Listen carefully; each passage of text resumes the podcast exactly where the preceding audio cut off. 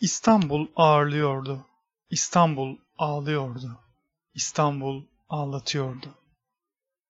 Süt gibi beyaz olmak ve içinde tüm sırları saklayabilmek. Oysa hiçbir zaman su gibi şeffaf, tüm gerçekliğiyle kendini ortaya koyamayıp hep bir gizem barındırmak.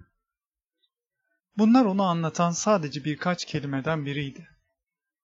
Engin denizlerine bunca şeyi sığdırmışken bir şey yokmuş gibi esen sert rüzgarların getirdiği dalgalarla bir bir yutmaya devam ediyordu.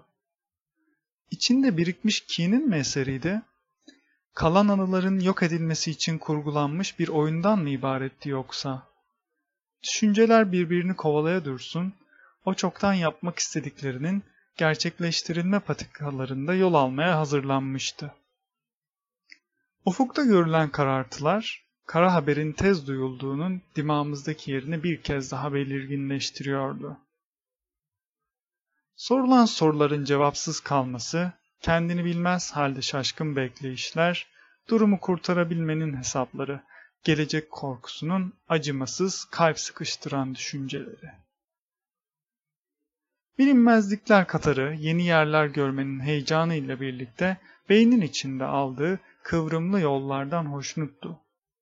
Oysa dışarıda kopacak feryat figandan haberi olsaydı bu mutluluk hissinin yerini hüzün alacaktı. Bundan yaklaşık bir yıl önce bizlerdik onun hasretiyle yanıp tutuşan. Yokluğunda bugün yaşadığımız duygulara yakın şeyleri yaşayan. Yolunu gözlediğimiz, istemekten dilimizin, damağımızın kuruduğu yokluğumuz. Tam da bugün çokluğumuz olmuşken isyana ayıracak vakti yine bulabiliyoruz. Belki garip gelecek ama bunların bir anlamı olabileceğini, hamuruna katılmış, keşfedilmeyi bekleyen gizleri olabileceğini yok sayıyoruz. Herkesin farklı düşünceleri olabilir pek tabi. Olmak zorunda da zaten.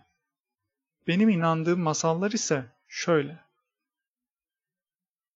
Olanların hepsinin doğal olması gerektiği masalı, yani doğanın kanunun olduğu gerçeğidir.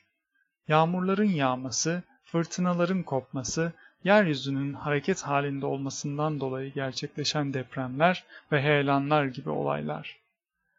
Bunlar gibi gerçekleşen aslında doğal olması gereken ama bir türlü insanların kendisinin kabullenemediği, görmek istemeyip görmemezlikten geldiği ölüm var olgusudur. Bu dünyanın geçiciliğini unutup sürekliliğinin burada olduğunu inanmak veya bunlara inanmanın kaçınılmazlığına sığınmak. Kolay bir şey değil insanın sevdiklerinden ansızın ayrılması.